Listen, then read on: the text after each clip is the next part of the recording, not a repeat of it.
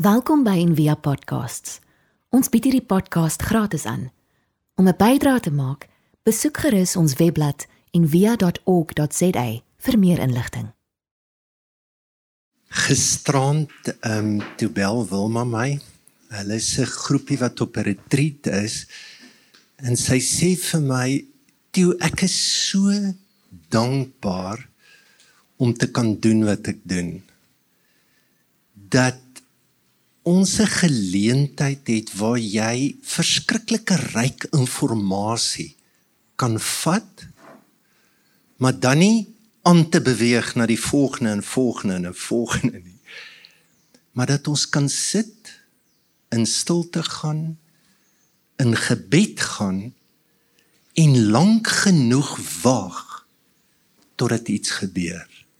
Dit was my so mooi beskrywing van hoe nodig ons wat ons ook al glo dat dit na 'n plek toe moet gaan wat God dit eintlik self waar maak en inkarneer in deel van ons lewe maak.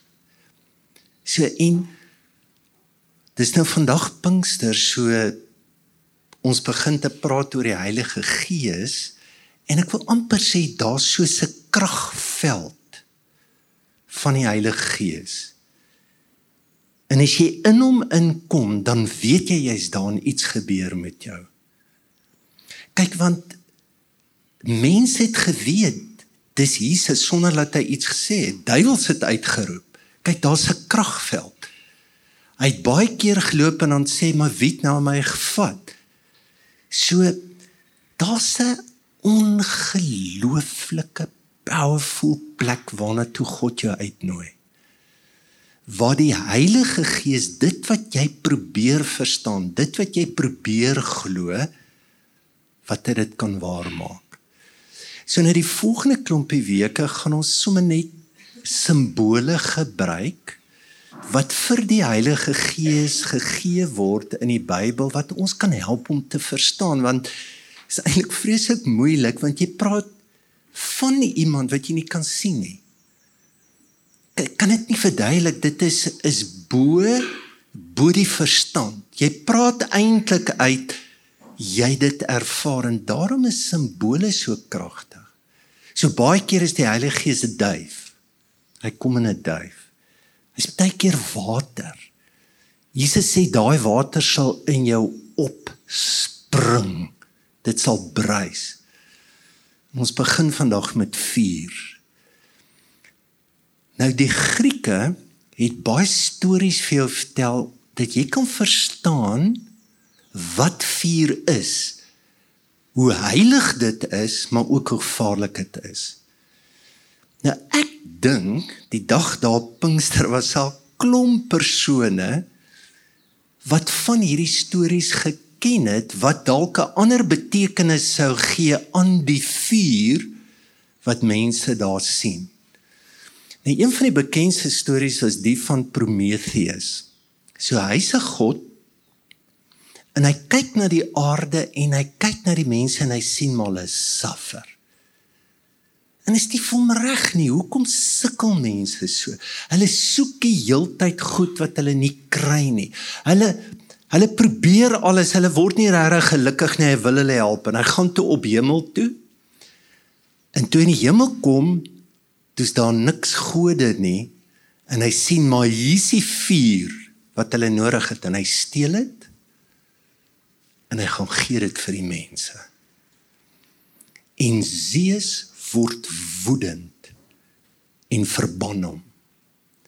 Maar nou is die storie interessant. Hy gaan bind homself vas aan 'n klip.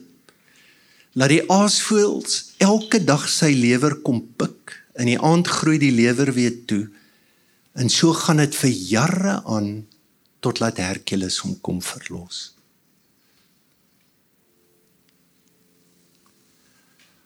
Ek sien daai heilige frons nou op jou voorkop. Ek is bewus daarvan. So Thomas Merton as hy hieroor praat dan sê hy dis die mees ongelooflikste storie en die dag van Pinkster bevry ons van die Prometheus in ons. So wat bedoel hy daarby? Kyk, wat was die probleem met Prometheus? Hy het die vuur wat in hom is misken. En hy gaan haal sy vuur op 'n ander plek wat hy nie by God kry nie. En dan word die lewe ontsettend hard. Hy word eintlik maar 'n martelaar. So toevallig lewer in daai tyd was die kern van jou emosies hulle glo. Dis waar jy mooi. So dis waar die vuur is. Dis waar die vitaliteit is. Dis waar die passie is. Wat gedurig deur en jy word 'n slagoffer dat jy altyd 'n rede het hoekom jy nie die lewe kan kry en kan lewe wat jy glo jy moet hê nie. Dis 'n verskriklike slegte siklus. Slagoffermentaliteit. En die just is ons vat ander se vuur. Ons lewe ander mense se vuur. Ons lewe die idees van vuur. Maar ons het nie die geloof en die oortuiging dat God dit in ons geplaas het. En soos wat Paulus sê vir Timoteus, wakker die genadegawe in jou aan. Die woord aanwakker is blaasbalk. Jy het dit. Jy het net iets nodig wat oor jou moet blaas.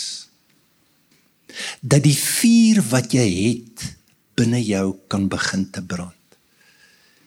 Ons het so klein stukkie vandag op die online van 'n vrou, 'n negervrou, sy's so beautiful, maar as jy so na luister, jy's jy's amper bang vir haar.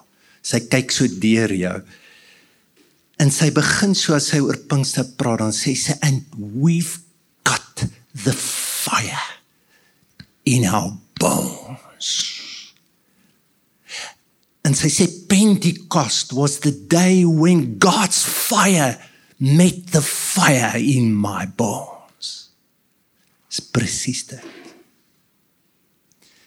So net so ietsie oor Pinkster, so die woord beteken 50, 50 dae na Paasfees gebeur Pinkster. Maar nou moet julle onthou, daar was nie 'n Nuwe Testament nie. So enige persoon wat daar staan, enige verwysing wat hy het van wat nou hier gebeur is in die Ou Testament. So dit was ook 'n Paasfees, die uittog uit Egipte. En 50 dae na dit die oesfees wat jy teruggee wat God vir jou gee. As jy oes, as jy geld kry, gee dit terug vir God. Dis die fees. Maar dan ook die viering van die wet. Nou ek dink daai konteks is ontsettend belangrik. So Israel se geskiedenis het so geloop toe hulle in die woestyn ingaan toe verander alles. So baie teoloë daaroor skryf en vir jou sê hulle het God anders begin te verstaan. Nou moet jy weet die woestyn is nie die inlei in die beeldskone natuur Jy weet wat jy in verwondering staan en gooi. Dis uit die natuur. Dis in die niks. Dis in die barheid, dis in die stilte. Woestyn beteken stilte. En dit is in daai spasie wat daar 'n ander verstaan kom van wie God werklik is. Nou net oor die wet. Die wet was nie 'n openbaring En toe word die openbaring gevat soos die wet nou. 1 artikel 11 jy beter doen. En as jy dit nie doen nie, dan is dit die gevolge van wat jy nie doen nie. Ons dink so in die Bybel ook. Die wet was vir 'n Jood die grootste uitdrukking van liefde. Lees maar hulle skryf hulle daaroor. Sê O Heer, ek verlang na U wet. U wet is soos heuning. Dit dit was 'n verstaan dat God so lief is vir my dat hy woorde het vir my. Die ding wat Jesus aanhaal, jy kan nie net van brood alleen lewe, maar van elke woord se Ou Testament. Dis een ding die geskrewe wet. Die geskrewe wet help my om die woorde van God te hoor. Nou hier's die groot skuif in Israel se godsbegrip in die woestyn. Waar die meeste godsdienste geglo het, maar God is die boom, God is die klip, God is die rots het die skuif gekom in Israel se verstaan dat God is in dit maar God transcendeer dit. Hy transcendeer die boom. Hy's groter as dit. Want jy kan dit nie net sien nie. Jy kan hom hoor die wet. Daar's 'n groot ding. Ek dink die groot gevaar is dat ons baie keer ons ervarings baseer op wat ons sien. Maar wat ons nie regtig van God hoor nie. Nou my ervaring, ek het groot geword in die NG Kerk, baie konservatief. In matriek toe ek uit die kerk en ook uit my ouerhuis gesit en ek het gaan loseer by 'n ou tannie en sy was in die AGS maar soos hardcore. Ek moet in die oggende 6 uur opstaan om te bid. En dan sê vir my ook elke dag vra jy 'n taal, wanneer begin jy 'n taal te praat? En so ek het toe 'n wêreld ontdek waarvan ek niks niks niks geweet het nie. Maar my blootstelling en ervaring was wat baie subjektief was, is dat die Heilige Gees verstaan is as dis 'n krag Want daar's gereeld vir jou gesê jy gaan krag kry as die Heilige Gees oor jou kom. En dat dit 'n invloed dat dit sporadies is, dat dit bonatuurlik is, dat dit 'n verrukking van sinne is en as jy nou bietjie YouTube kyk, Google net Heilige Gees en herlewingsdienste, dis omtrent alles presies dieselfde. Mense val, mense lag, mense huil, bid en dit dis soort van 'n monogame belewenis.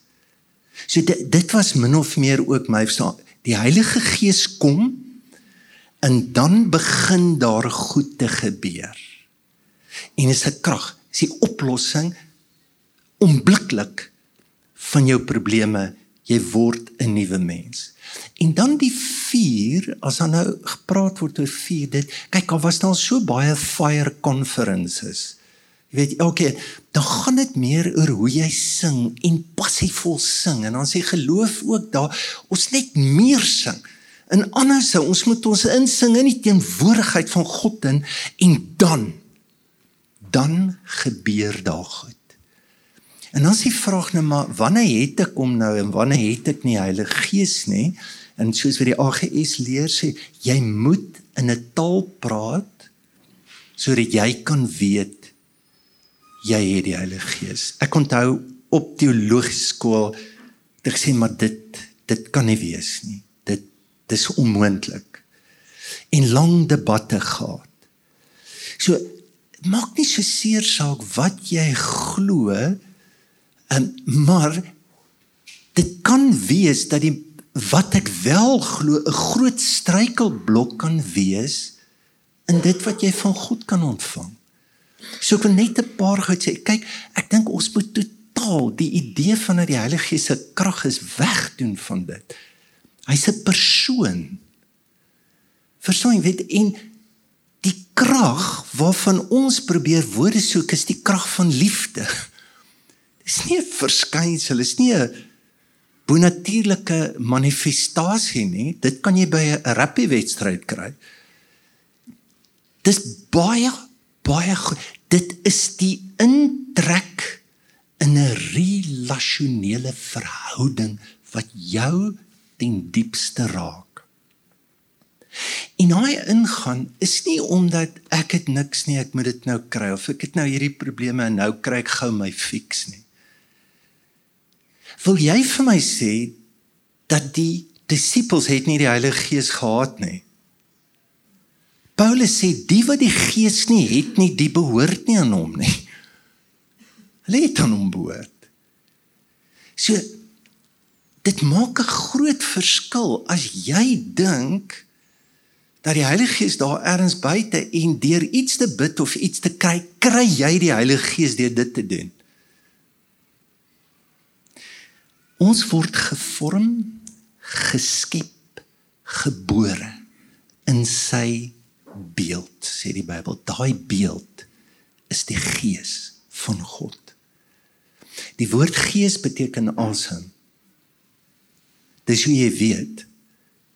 Dis God wat lewe gee in my. So hy's nader aan jou as wat jy kan dink of as wat jy kan voel of as wat jy kan glo is hy reeds daar. En dis die dis die lewe wat ons moet lewe dat jy op 'n plek kom soos Paulus wat sê maar in hom leef ek beweeg ek en is ek. So ongelooflike bewustheid. Dis die waarheid oor jou. En as daai gevoel net gekry word uit 'n sekere ervaring, daai ervaring kan ook help Maar dis die lewe waarvoor ons geroep word. Nou, dis interessant, nadat die Heilige Gees uitgestort is, is dit nie die einde van hulle probleme nie. Weet jy wat gebeur toe? Toe staan Petrus op en hy begin te preek. hulle het nog preek ook nodig. Nadat. En dan selfs die einste Petrus wat preek het nog 10 jaar nodig in Handelinge 10 kry 'n droom want hy sukkel nog bietjie met rasse. En God wys hom 'n droom en sê hoorie eet alles hy sê nou hy's ek ek loop kosher. Ek gaan volgens die wet. Ek ek kan nie dit doen. God sê eet. Want hy het geglo dat enige ou buite die Jode moet eers 'n Jood word voordat hy Jesus kan volg. Nou daar's 'n hele boek in die Bybel, Galasiërs is geskryf vir die Judaiseerders. Sê nee nee nee nee nee. Kom word jy se Jood, daar's paar goedjies wat jy moet doen en dan jy reg vir Jesus. Hierdie droom verander sy verstaan van dit. Maar hy's deur Pinkster, hy's deur al haar ervarings ook. So ten diepste ek ons het ervarings nodig maar dit is nie die quick fix wat gou alles gee wat ek nodig het nie en dan net oor tale onthou nou hierdie gedeelte hulle praat in tale en is amazing wat hier gebeur maar is nie vreemde tale nie hulle luister sê maar hierdie ou praat dan nou ek weet nie wat praat die kappadosiërs nê kappadosiërs Hy sê maar ek weet hy kan dit nie praat. Hoe is dit? So dis die hoogste logiese orde weer. Wat is die tonge van vuur? Dis die woord, dis die wet wat duidelik duidelik duidelik word. Nou weet julle wat vir my baie interessant. So die skrywer sê hier's so baie nasies, nê? Dis die nasies onder die hele hemel is hierso. Kyk, dis bietjie oordrywing. Dit was nie almal nie, maar dis seker spreekwoord. Maar dis baie en dan lei sy hulle. Dis Irak, dis Iran, dis Armenië, dis Meders, dis Elamite, dis Mesopotamië, dis Kappadosie, dis Pontus, dis Asië, dis Frigië, dis Pamfilië. Baie interessant dat so elke ou het sy streek of sy nering gehad. Daar was soos 'n die Meders onthou hulle die Perse later verstaan. Hulle was soos die Vikings. Hulle het sê ons wil fight want die Here is met ons. En as ons ietsie nodig het, dan help hy ons gaan kry ons dit. Dan Kappadosie was in Turkye en julle weet dit die eerste kerk was hier daar begin en hierdie ouens het in grotte gebly in rotsformasies onder die grond en goed. En dan was daar weer Pamfilië was 'n plek wat is waar alles by my handelsroetes hulle was lief vir die kuns. Dis 'n ontsaglike diverse groep mense en elke ou het vuur en passie vir dit wat het glo en nou is die groot ding hulle sit nie almal om dieselfde vuur nie wat gebeur hier? Ek wil twee goed sê. Pinkster gaan oor die eenwording van mense en nie 'n teken wat jy ontvang dat jy spiritual word nie. Want dis die groot gevaar. Daar is goed soos gawes van die Heilige Gees. Dit is ontsettend belangrik. Maar as 'n gawe my spesiaal maak, al wat dit beteken, jy het nog nooit jou uniekheid in God ontdek nie. En weet jy wat gaan gebeur? Jy gaan al jou vuur en jou verstaan van jouself op 'n verkeerde plek. En baie van ons is so verknog aan die gawe wat ons het. So vir in die kerk, ek was gereeld gevra, so wat is jou geestelike gawe? En dan ek het baie keer nie geweet nie, want ek voel dit verander en dit seker met 'n persoonlikheid te doen. Maar jy het in die Bybel gesien dat God gee 'n gawe partykeer vir mense wat glad nie daai gawe het nie. So dan kan jy sê, nee, gelukkig het ek nie daai gawe nie. Maar wat dis wat die Heilige Gees doen. Lees maar. Moses kan nie praat nie. Kan nie dit doen. Kyk hoeveel mense maak verskonings wat nie die gawe het nie wat God die gawe voorgee.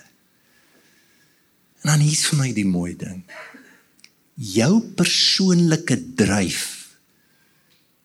En kyk nou na al hierdie stamme, hulle voorkeure, hulle nasionaliteit, hulle kultuur, hulle gewoontes word in 'n groter liefde vir God opgeneem. Dis Pinkster. So die vuur is nie een one size fits all generiese ervaring wat almal moet kry. Baie van julle onthou die Toronto blessing.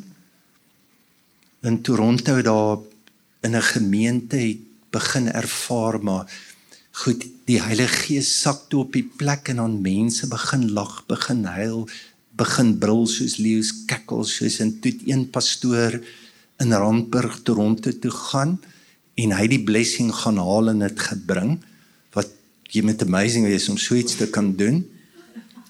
En die gemeente het groei 600 lidmate per maand en ek onthou ek het 'n baie groot jeuggroep gehad en druk op my sê Theo ons mis die Here ons mis die Heilige Gees kom kyk wat hier gebeur. En toe gaan ek En ek onthou die aand toe ek kom, dis die eerste woorde wat gesê word wat julle hier sien, ons was 'n kerk wat nog nooit kon sê ons is dronk. Op Handelinge sê hierdie ouens is dronk. Maar nou kan ons met trots sê ons is dronk. En dit was chaos. Ek het later uitgeloop En dis 'n ontsaglike hartseer storie wat toe ook gebeur het, maar elke persoon met presies dieselfde ervaring, se generiese one size fits all. En hier's die probleem met groepe en met massas. En enige sielkundige sal vir jou vertel hoe werk suggestie Hoe werk hipnose? As ek die heeltyd goed suggereer vir 'n gehoor, as ek vir jou sê God brul soos 'n leeu, want dis wat die ou die aand gedoen het. Gaan hy Ou Testament skryf sê kyk jy God brul soos 'n leeu en voor my sit hy en hy begin soos 'n leeu te skree. Ek skrik my benewens glad nie in die hemel in nie. So as jy dit suggereer en die siege, die kollektiewe siege van 'n groep is so groot dat jy begin daai ervarings te ervaar. En weet jy wat se hartseer? Dan noem ons dit die Heilige Gees. En ons het nie die vermoë om te kan onderskei. Kyk wat doen die Bybelse narratief. Wat waarvoor staan die Gees? So ek wil afsluit met um net hierdie gediggie van o van T.S. Eliot So hoor bietjie wat sê the only hope or else despair.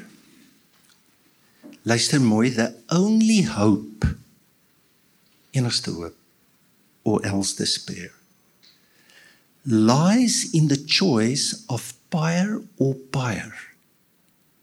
So pyre is 'n begrafnis, is wat die Vikings begrawe het. So jy sit jy op die stapel en jy brand hom. So hulle het glo vuur en dan word jy opgeneem in Valhalla die groter werklikheid.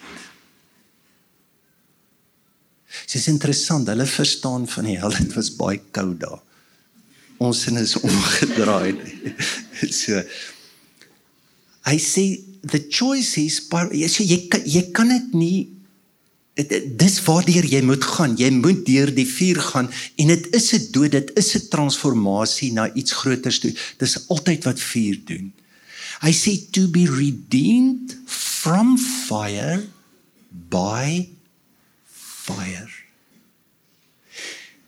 Wat hy sê die keuse is nie as jy onrustig is, is die keuse nie tussen rustigheid en onrustigheid.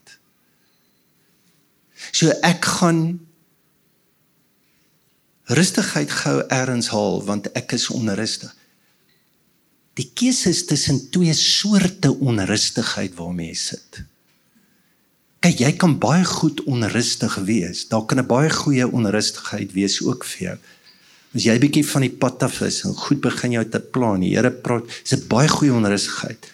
Maar daar kan 'n ewige tormenting onrustigheid ook wees. Dis jou keuse. En dat dit presies die vuur is in jou wat net na 'n verkeerde plek toe brand. Dit is wat God ontmoet in ons. So wat Elliot hier doen is hy sê ek hoorie weet jy wat stel ek voor? Ek stel net voor dis fire through fire. Die die vuur wat jy kry net God se vuur. En hy skryf later aan sê and last the thing has forever eluded me. V want jy gaan altyd iets soek. Dis die vuur in jou. Nou soek jy dit in seks of in geld of in geluk of in die ewige lewe of wat ook al dis dis presies die vuur wat God wil transformeer. Vir my verskriklike mooi metafoor. Goethe het die woorde gebruik holy longing, maar hy het die boek Hooglied gebruik. So die hele Hooglied, julle weet nou gaan oor seksuele liefde. Maar hoe daai vlam hoe kragtig eros is en hoe dit kan brand in ons. En dan sê Johannes van die kruis, dan vat hy ook hooglied en dan sê hy hy hy gebruik hierdie woorde. Hy sê jy moet so opgeneem word in hierdie vlam en hierdie vuur nê. You must become insane with the light. Ek moet so oorgee net dat my liefde roekeloos wild uitbreek in my lewe. Die vraag is nie regtig wat mag ek begeer en wat mag ek nie begeer nie. Die vraag is hoe verdiep ek my bestaande belang begeertes wat ek het. Wat ek altyd dra, die genis. Waar ek dit sit. Hoe gee ek dit aan God dat dit roekeloos kan word? Frans het vir my hierdie mooi skrif gegee die week en ek sluit af met dit. Hoor wat sê Jeremia? Hy sê I say I will not remember him or speak his name anymore. Then my heart becomes a burning fire shut up in my bones and I'm wary of enduring and holding it in. I cannot endure it nor contain it longer. So wat met hom gebeur het is deur 'n baie moeilike tyd. Hulle sê vir hom luister iets om jy praat nie meer nie.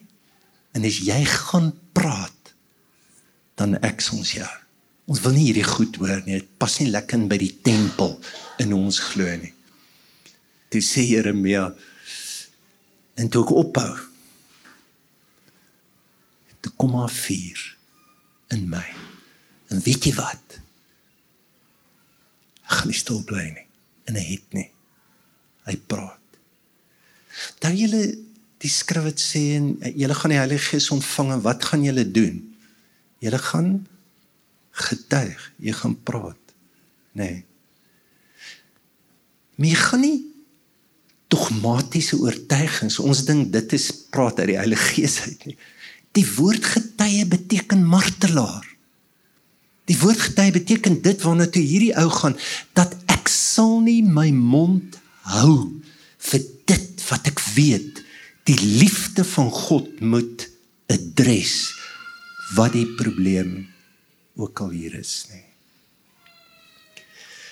Ek hoop Pinkster kan vir ons in hierdie volgende paar weke ook net 'n tyd wees wat ons bewus word van God wat al reeds in ons is, in by ons is. En hoe hy verlang om net dit waarmee jy lewe en dit wat brand in jou en dit wat al dood gegaan het in jou om dit in ons aan die brand te steek. Kom ons bid saam. Here baie dankie vir vir vuur. En dankie ook vir u woord wat u probeer beskryf en u ook noem 'n verterende vuur maar dat hierdie vuur die warmte, die hitte, die liefde bring wat wat alles weg skroei in brand in ons lewe wat ons net terughou om meer liefde kan hê. Here, dankie vir doping met u gees wat ons hier vermoë gee om die grootste diversiteit tye om die grootste verskille om ons passies te bind aan 'n baie groter eenheid in liefde wat daar is in U. Ek bid dat hierdie tyd 'n besondere tyd sal wees dat elkeen van ons die blaasbalk gaan haal. En soos wat ons in die aande sit om 'n kaggeltjie of om 'n vuurtjie, Here, dat dat ons net herinner sal word dat ons elke dag elke oomblik in 'n dieper en 'n groter bewustheid lewe van hom wat in ons is wat by ons is wat oor ons is wat met ons is wat vir ons is. En dat jy daardie wete aan die brand steek. Ek bid dit in Jesus naam. Amen.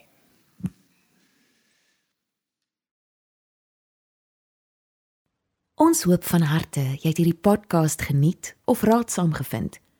Besoek gerus en via.ok.za vir meer inligting.